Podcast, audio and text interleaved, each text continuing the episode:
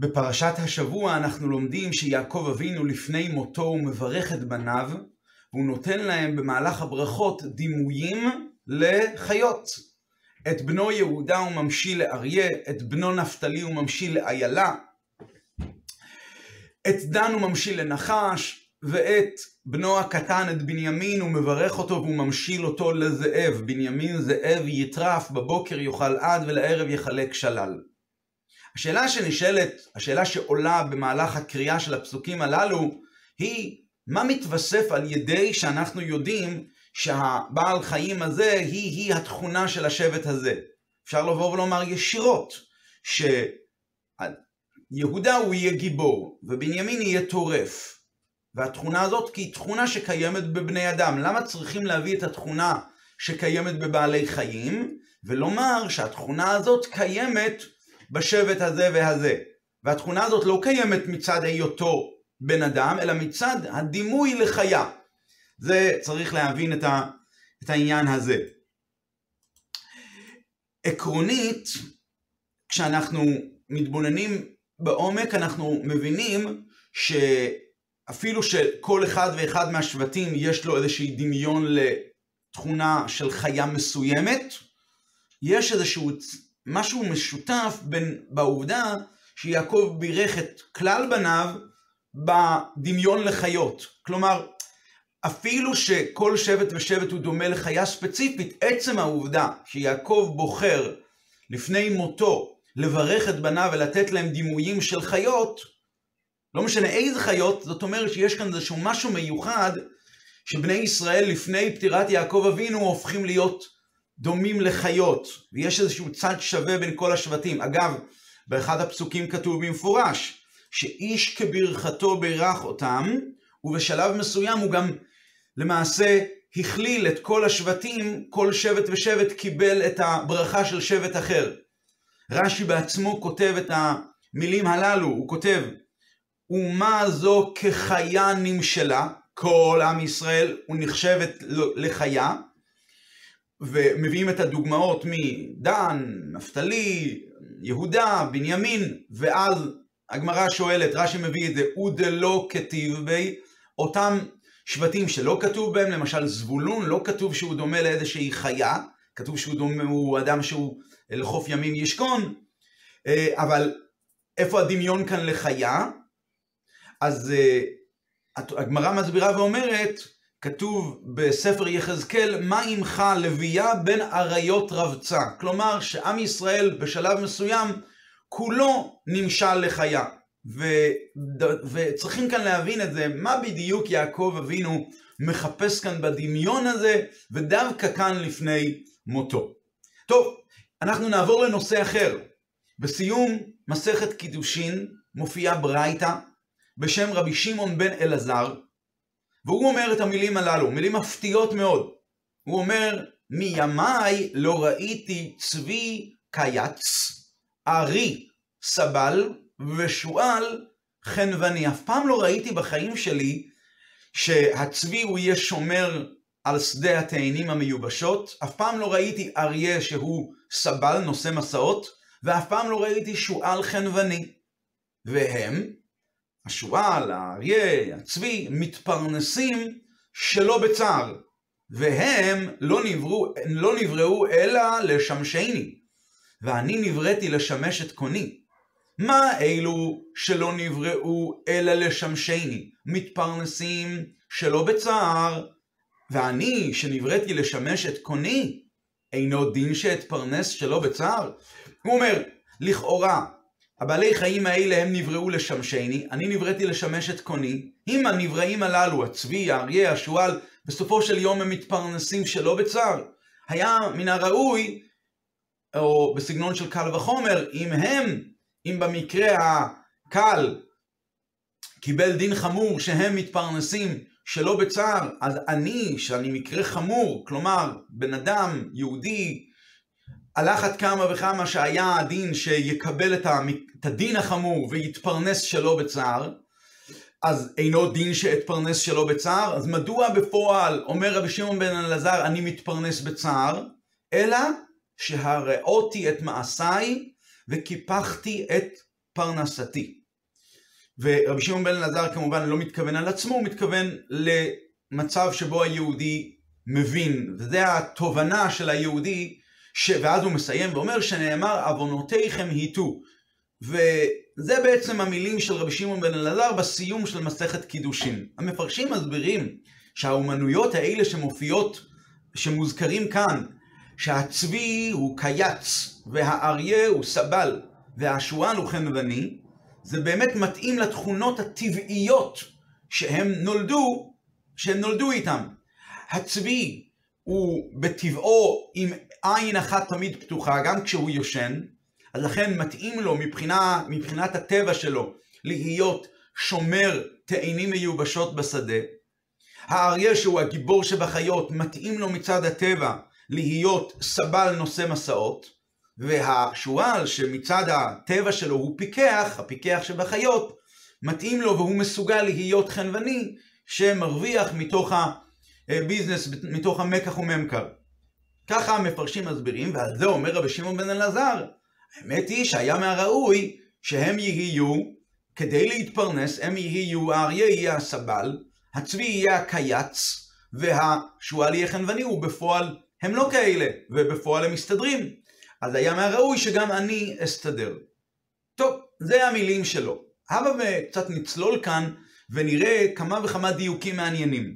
דבר ראשון, למה דווקא נמנו שלושת האומנויות הללו, הסוגים הללו של קייץ, סבל וחנווני? יש עוד אומנויות של בעלי חיים, של חיות אחרות. למשל, כמו שאמרנו מקודם, נפתלי איילה שלוחה. למה לא להביא את הדימוי של איילה? רבי שמעון בן אלעזר היה יכול לומר, למה מימיי לא ראיתי איילה שנשלחת לעשות שליחויות? לא ראיתי את זה אף פעם. וכן על זה הדרך. אגב, פה הוא מביא כאן דוגמאות של חיות, הוא לא מביא כאן דוגמאות של בהימות. וכנראה הסיבה היא בגלל שעל פי רוב, בבהמות יש כן אומנויות בטבע שהם משמשים את האדם, השור, בהימה, נועד למסע, לעול, החמור נועד למסע וכולי וכולי. אז יכול להיות שלכן באמת הוא לא הביא כאן דוגמאות, דוגמאות של בהמות, אלא הוא מביא כאן דוגמאות של חיות. הרי האמת היא שמצאנו כמה וכמה דוגמאות של בהמות שאין להם אומניות, אבל, והם בכלל לא משמשים בני אדם, כל מיני בהמות מסוימות שהן לא משם בהמות טהורות, בהמות טמאות, שהם לא משמשים בכלל את הבן אדם, אבל מכיוון שמצאנו כבר ששור, שהוא המלך של הבהמות, יש לו אומנות, אז ממילא כל השאר הם תפלים לו, ולכן במשנה ובברייתא לא מופיע הביטוי מימיך לא ראית בהמה שנושאת מסעות, כי כן ראיתי, כי יש כאלה דברים. אמ, האמת היא ש... גם העניינים האלה שקיימים, שהשור הוא נועד למסע, לעול והחמור נועד למסע, זה לא ממש במובן של אומנות שיש להם, שהם עושים את זה בטבע שלהם, שפשוט הם נולדו כאלה, הם נולדו להיות נושאי מסעות, החמורים נולדו להיות נושאי מסעות, והשור נועד לעול, לחרוש בו את, ה, את השדה. לא, הכוונה היא שהם שהבהמות באופן כללי הם בני תרבות, ומכיוון שהבהמות הם בני תרבות, בני אדם יש להם את היכולת להכריח אותם, למשול עליהם, וללמד אותם, להרגיל אותם בכמה וכמה מלאכות שונות, אבל באמת הם לא, זה לא שזה, לא, לא שהם נולדו בטבע בצורה כזאת. אחרי הכל זה לא ממש דומה לאותם בני תרבות שקיימים בחיות ו... ושאר בעלי חיים, ששם בכלל לא ראינו אפילו את העניין הזה אפילו בפועל. אבל בסופו של יום, גם אם ראינו בהמות שיש להם אומנות, זה לא הטבע שלהם, והשאלה חוזרת, כשרבי שמעון בן אלעזר רואה את החיות שהן מתפרנסות שלא בצער, והוא שואל, למה החיות האלה הן לא הן לא מתפרנסות מהמקצוע שמתאים להן מצד הטבע. האריה מתאים לו להיות סבל, והשועל מתאים לו להיות חנווני, והצבי מתאים לו להיות שומר תאנים מיובשות בשדה, קייץ, אז השאלה שנשאלת היא, למה הביא רבי שמעון בן אלעזר דווקא את הדוגמאות הללו, ולמה הוא, הוא הביא אותם בסדר הזה? מעניין שאנחנו מסתכלים בתלמוד ירושלמי, אנחנו רואים את ממש אותו רעיון של רבי שמעון בן אלעזר, שם זה מופיע בשם רבי מאיר, ושם מופיע תוספת קטנה. דבר ראשון, יש כמה שינויים וגם תוספת. הנה הלשון בתלמוד ירושלמי. ראית מימיך ארי סבל צבי קייץ שועל חנווני זאב מוכר קדירות? הדבר הראשון אנחנו רואים כאן שיש כאן תוספת של זאב מוכר קדירות. אבל לפני הזאב מוכר קדירות, יש כאן סדר שונה מהסדר שמופיע בבבלי. אמ, בתלמוד ירושלמי הוא מביא קודם כל את האריה הסבל, ואז את, ה, את הצבי הקייץ. לכאורה, הסדר הראוי היה מתאים כמו שנאמר בתלמוד בבלי. הצבי הוא קייץ והאריה הוא הסבל.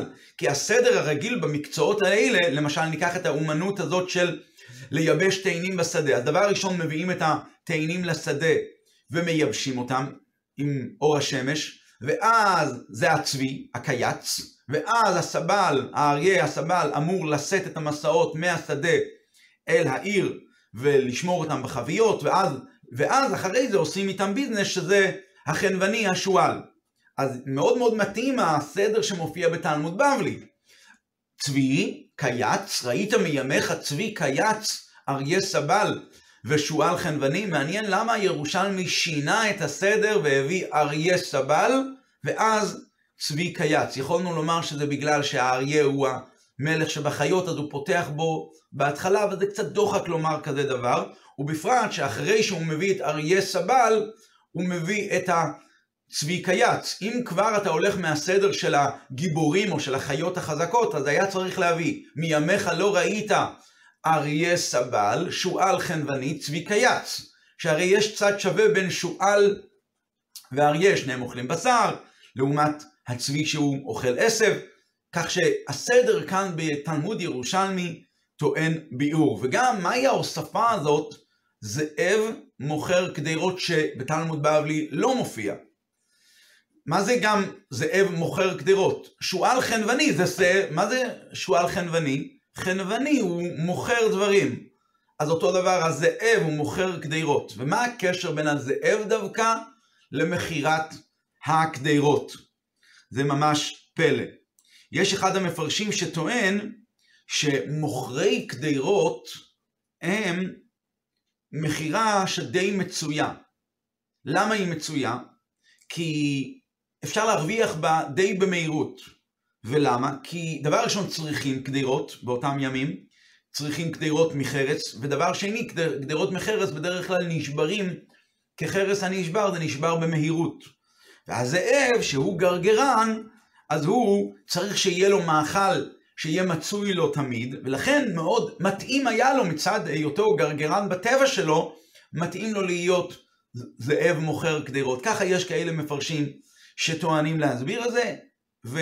אבל זה עדיין דוחק, וצריכים כאן להבין מה הקשר בכל זאת בין זאב מוכר קדירות לבין מה הקשר בין זאב למכירת קדירות ולמה הביאו את זה בנוסף לשועל החנווני. אז את הסוד שמסתתר כאן במילים האלה של הברייתא, בסדר הזה, צבי קייץ, אריה סבל, שועל חנווני, בשינויים בין הבבלי לירושלמי, את הסוד הזה נצטרך להבין אולי באמצעות אה, דקדוק קל במילים האלה של רבי שמעון בן אלעזר. כשהוא מדבר על, ה, על ה, מה שהוא ראה, הוא אומר, מימיי לא ראיתי צבי קייץ, אריה סבל ושועל חנווני, ואז הוא מאוד מדגיש, יש כאן שפת יתר אפילו. והם נבראו, לא נבראו אלא לשמשני, ואני נבראתי לשמש את קוני. אז אם הם, ואז הוא ממשיך, אז אם הם, שהם, חוזר עוד פעם, שהם לא נבראו אלא לשמשני, ושאני נבראתי לשמש את קוני, אז אם הם מתפרנסים שלא בצער, אז אני בוודאי צריך להתפרנס שלא בצער. ככה הוא אומר. מהי שפת היתר הזאת? אני מבין את הנקודה הזו שהם נבראו לשמשני ואני נבראתי לשמש את קוני, אבל מהי שפת היתר הזו?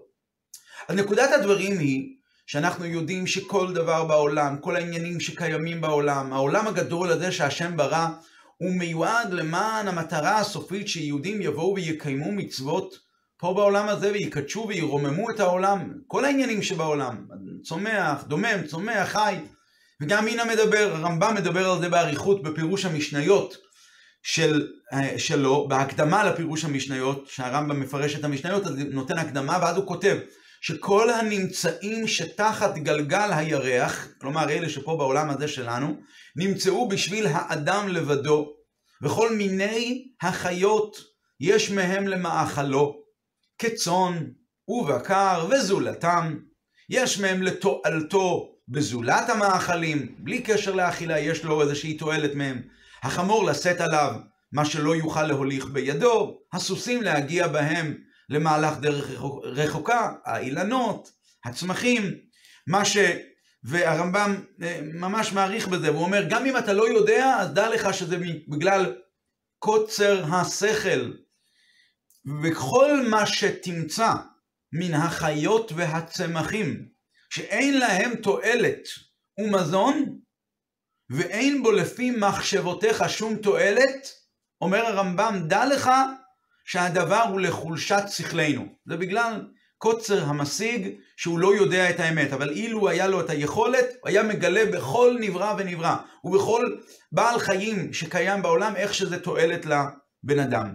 אותו דבר זה גם בנוגע למין המדבר, שכדי שהאדם השלם יוכל לעסוק בחוכמה האלוקית, אז יש צורך בעולם שיש בו בני אדם, שהם יספקו לו את הצרכים שנחוצים לו, כדי שיהיה לו את הפנאי ואת היכולת ללמוד, לקנות חוכמה, כמו שהרמב"ם מבאר באריכות בהקדמה לפירוש המשניות. זאת אומרת שהתפקיד של סוגי הנבראים שקיים בעולם, הוא לספק לבני אדם, לספק לעם ישראל את, הצרוך, את, ההצטרכויות, את, את ההצטרכויות שלו, וממילא הוא יוכל לעסוק בתורה ולקיים מצוות. ועל זה מגיע רבי שמעון בן אלעזר בברייתא ומחדש ומוסיף, שהם לא נבראו אלא לשמשני, אבל דווקא כאשר אני נבראתי לשמש את קוני. זאת אומרת, זה שהצבי והשו, והאריה והשועל נבראו עם תכונות, שהתכונות האלה הן תכונות להיות קייץ,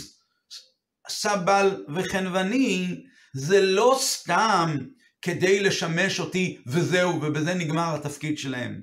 התכלית של הלשמשני הזו היא דווקא באופן כזה שעל ידי זה אני יוכל לשמש את קוני, לקיים תורה ומצוות. זאת אומרת, על ידי, וכאן מגיעה הנקודה, על ידי שיהודי יוכל לקחת חפץ מסוים בעולם ולעשות מהחפץ הזה מצווה, חפצה של קדושה, על ידי שהוא מקיים בדבר הזה מצווה, אז נדרשות לצורך זה שלושת הפעולות של קייץ, סבל וחנווני, שהם הם אלה שמכינות את החפץ ומכשירות אותו להיות חפץ של מצווה. זה שבפועל האומנויות האלה של קייץ, סבל וחנווני לא, לא מתקיימות על ידי הצבי, האריה והשועל, זה בגלל שהראיתי את מעשיי וקיפחתי את פרנסתי.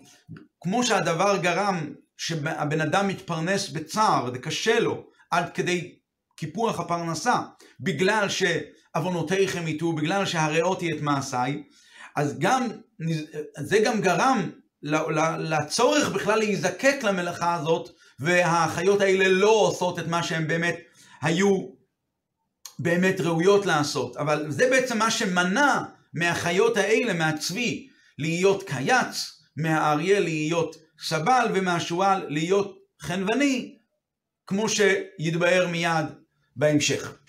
נקודת הדברים היא כזו, מדוע באמת כדי להכין מצווה צריכים שלושת הפעולות האלה של קייץ, סבל וחנווני? שלושת האומנויות האלה, כמו שהן מופיעות בבבלי, הם מהקל אל הכבד. דבר ראשון, צבי הוא קייץ. מה, מה זה קייץ? קייץ זה מייבש קציעות בשדה. התפקיד שלו זה להביא את הקציעות אל השדה, מקום שיש בו שמש, מקום שהוא גלוי לשמש, ואז השמש למעשה שורפת את הלכלוכית שקיימת בטעינה, בקציעה, והופכת אותה להיות טעינה מיובשת, ואז היא נשמרת שם, ואז היא מגיעה לשלימות שלה, לטיב הנכון שמגיע מהטעינה הזו. ואז מגיע האריה הסבל, שהוא מעביר את התאנים המיובשות האלה ממקום למקום. ואז מגיע השועל, אמור להגיע בכל אופן השועל שהוא החנווני, שהוא לא משנה את המקום, הוא רק משנה את הבעלות. שהקציעות יעברו מיד ליד, יעברו מבעלות לבעלות, והוא עושה איתם ביזנס.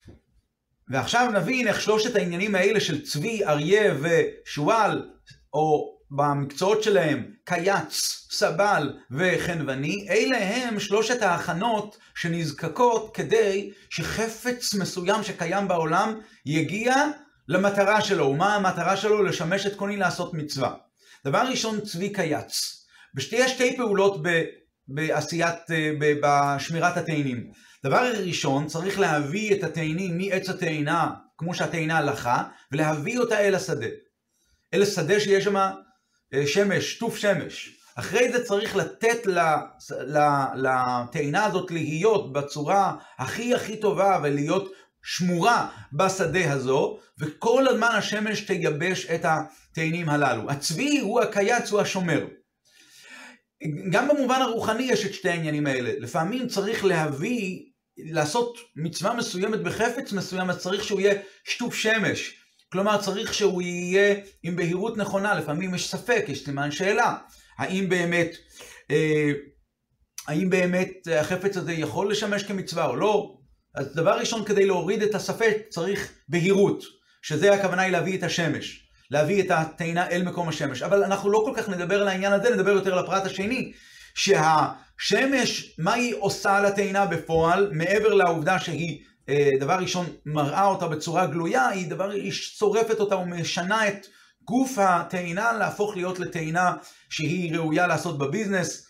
ובמובן הרוחני הכוונה היא, החפץ צריך להיות מוכן למצווה, העשייה שלו צריכה להיות עשייה מושלמת שתהיה ראויה למצווה, כמו למשל קלף של בהימה.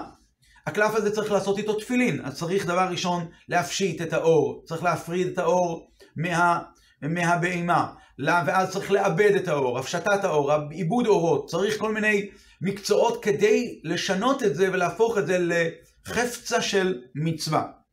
זה בעצם מה שעשה הצבי. הצבי למעשה הביא את התאנה אל מקום, אל מקום השמש, אבל בעיקר החפץ צריך להיות מונח שם, התאנה צריכה להיות מונחת, מונחת שם עד שהיא תגיע אל השלימות שלה. ואז מגיע האריה הסבל, שהוא מוביל את המסעות ממקום למקום. במובן הרוחני הכוונה היא החפץ צריך להגיע לרשותו של היהודי. גם לפעמים יש מצבים כאלה שהחפץ הוא נמצא במקום שהוא באמת מוכן כבר להיות ראוי לשימוש אצל היהודי, אבל אי אפשר להגיע למקום הזה. למשל, המקום הזה הוא מקום של שוק של עבודה זרה, אי אפשר להיכנס שם. אז צריך איזה בעל, בעל כוח, בעל כוח רוחני, שיוכל, צריך את האומנות של הסבל, את הכוח, כוח הרוחני, להעביר את הדבר ממקום למקום, ואז היהודי יגיע אליו החפץ, ועם החפץ הזה הוא יקיים איתו מצווה, או שיעשה איתו איזשהו דבר שבקדושה. ואז מגיע השועל החנווני, מה פירוש השועל החנווני?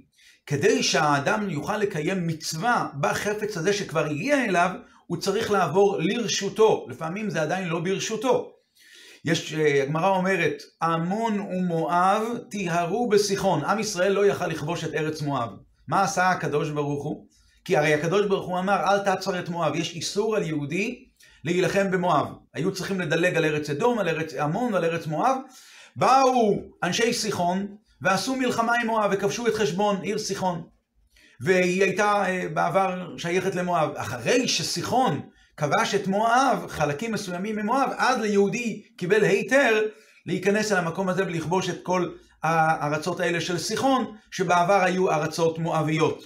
על דרך זה, אה, אה, ואז יהודי חי שם במקום ועושה מהמקום הזה מקום של ארץ נושבת, ועושה מזה סוג של ארץ ישראל, ארץ ששייכת לבני ישראל, ארץ שבה מקיימים מצוות. אבל קודם כל היה צריך לעבור איזושהי טרנספורמציה, שזה הכיבוש של סיחון, או בסגנון של בעלי חיים. בעל חיים מסתובב בשדה והוא לוקח ואוכל איזשהו פרי, הוא לא יודע מה הפרי הזה, הוא רואה פרי זרוק. הפרי הזה ייתכן שהוא עורלה.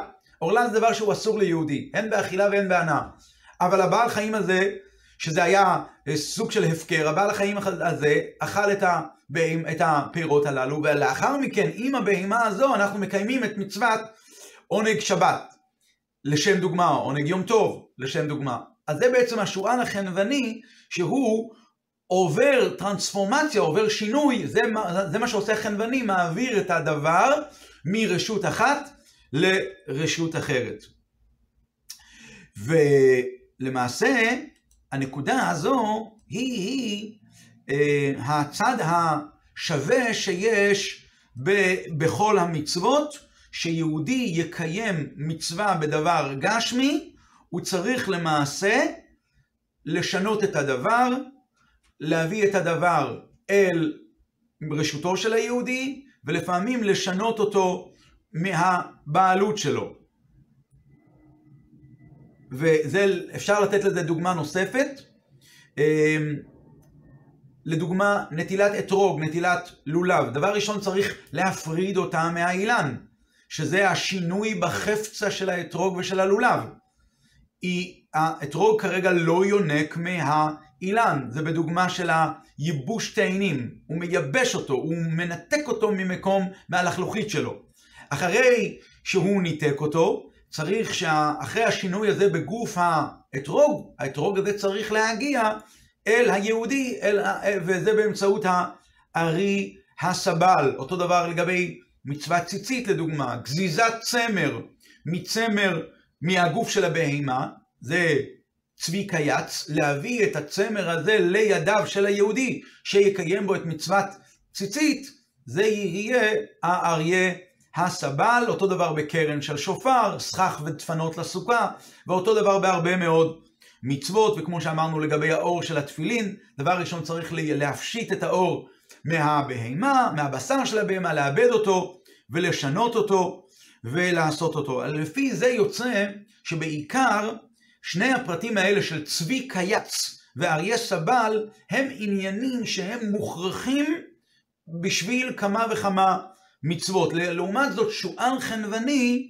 לשנות את הרשות והבעלות עוד לפני שהוא הגיע לחפץ של להיות חפץ, להיות ברשותו של היהודי, של הישראל, זה נדרש בעניינים מסוימים, לא בכל עניין ועניין צריכים את השועל החנווני במובן הרוחני, לשנות את הדבר מרשותו. כי בסך הכל, לשם דוגמה, אנחנו חותכים את הלולב, את הענף של הלולב, אז חתכנו אותו והבאנו לרשותו של היהודי, וזהו זה, והיהודי כעת יכול לקיים בזה מצווה. אבל יש עניינים מסוימים שבהם צריך גם כן טרנספורמציה כזו שהיא תפקידו של השועל החנווני.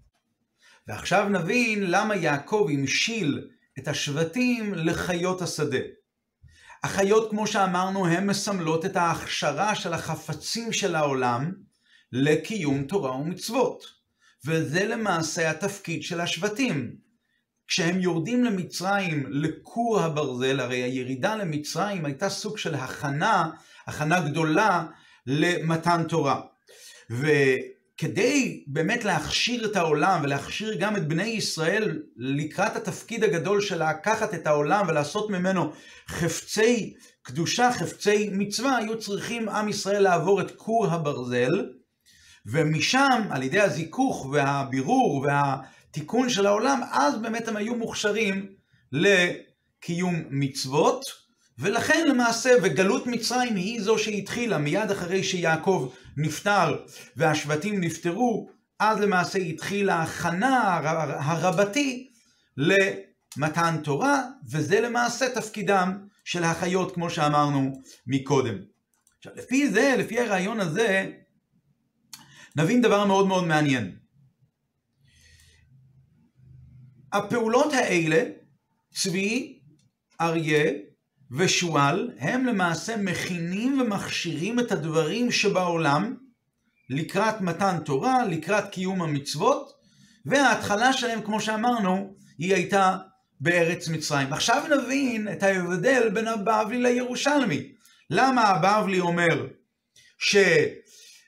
שהסדר הוא צבי, אריה ושועל, קייץ, סבל וחנווני, ואילו התלמוד ירושלמי אומר דבר ראשון אריה סבל, ואז צבי קייץ, ואז שועל חנווני, ובסוף גם הירושלמי מוסיף זאב מוכר גדרות. מה ההבדל? למה באמת? עכשיו נוכל להבין את זה.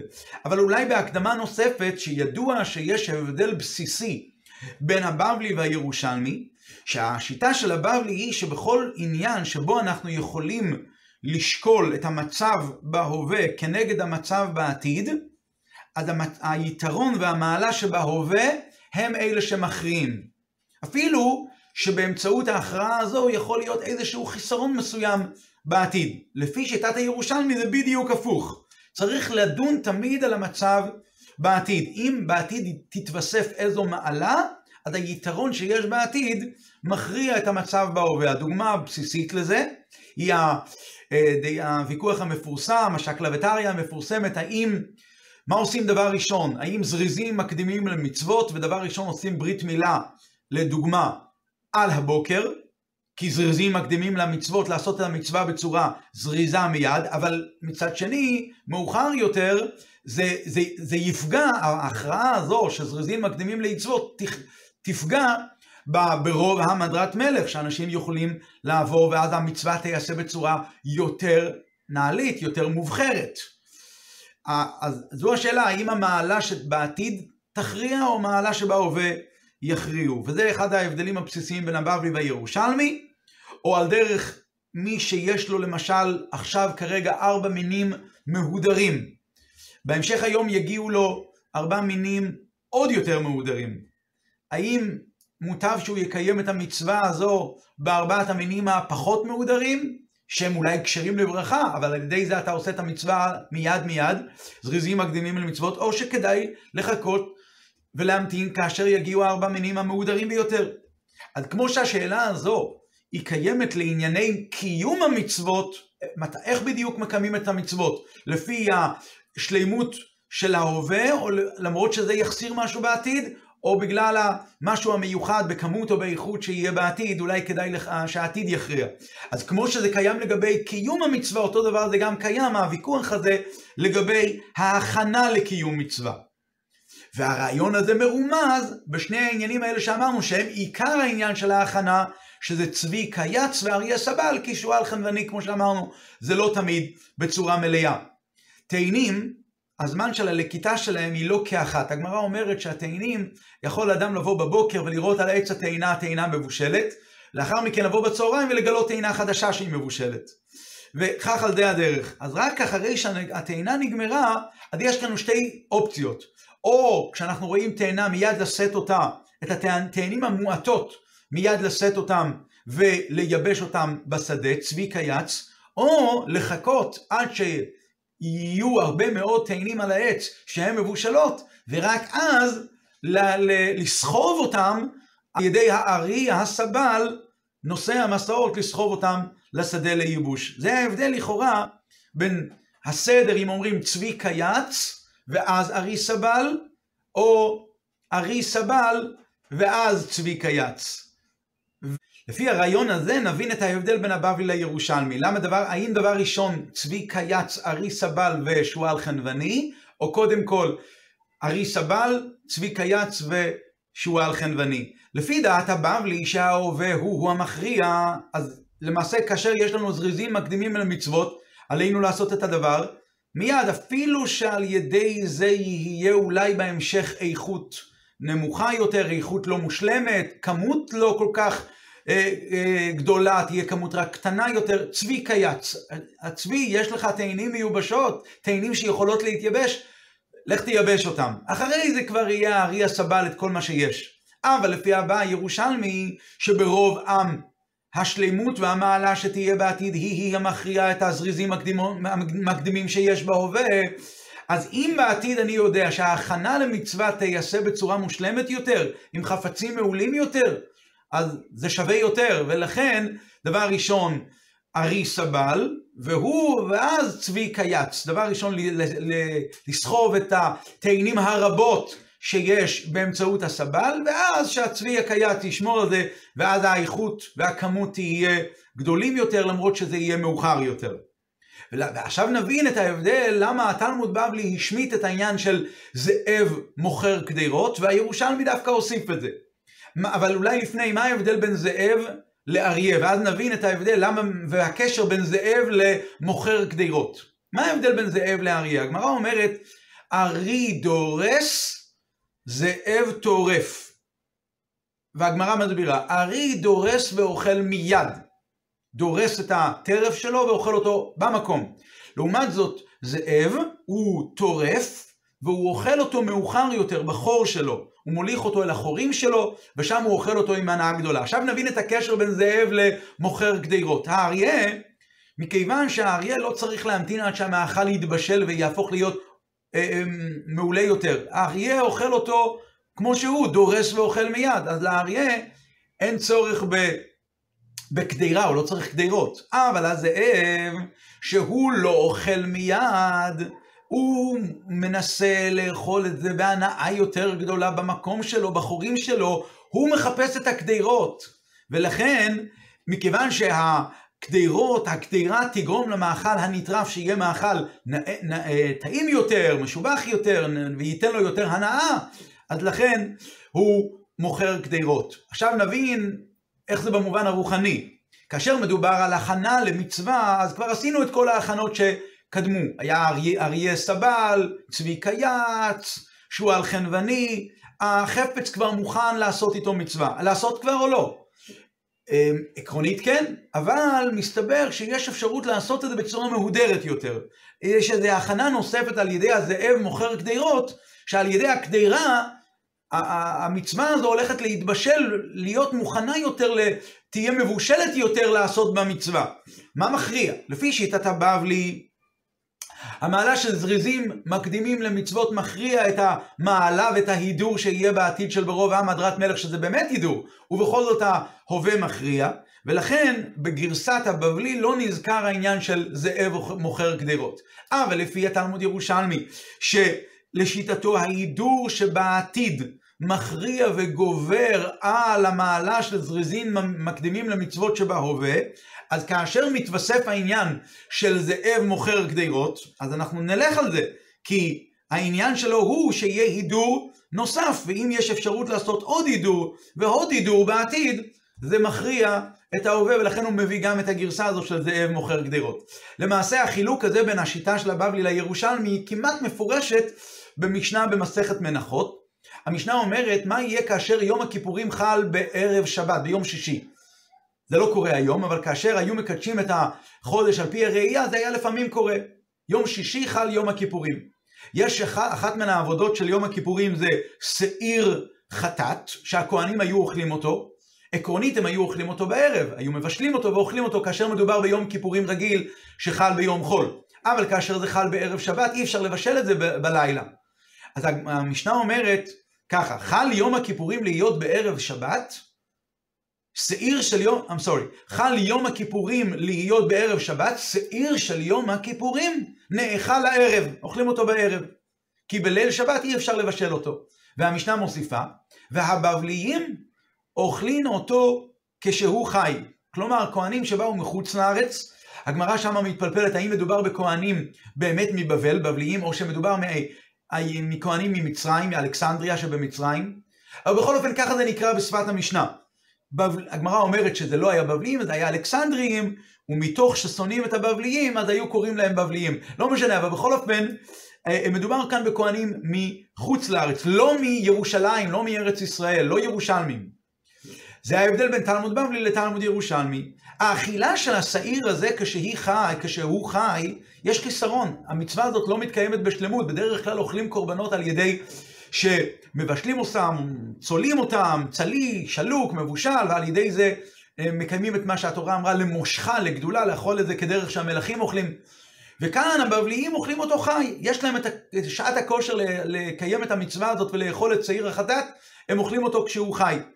ולמרות זאת, למרות שבעתיד זה אולי יגרום איזשהו סוג של היעדר ההידור, אנשים אולי יתרגלו לזה, וזה יכול לגרום בעתיד איזושהי בעיה, ובכל זאת, אה, אה, זה, בהווה, ההווה מכריע, וכהני ארץ ישראל לא, לא ידרו בזה, להפך, הם אה, לא חיכו, לא חיכו לאכול אותו מיד כשהוא חי, אבל כהני הבבליים שהם רוצים לקיים את המצווה כאשר יש שעת הכושר הראשונה, ההווה מכריע את העתיד והם אוכלים אותו חי.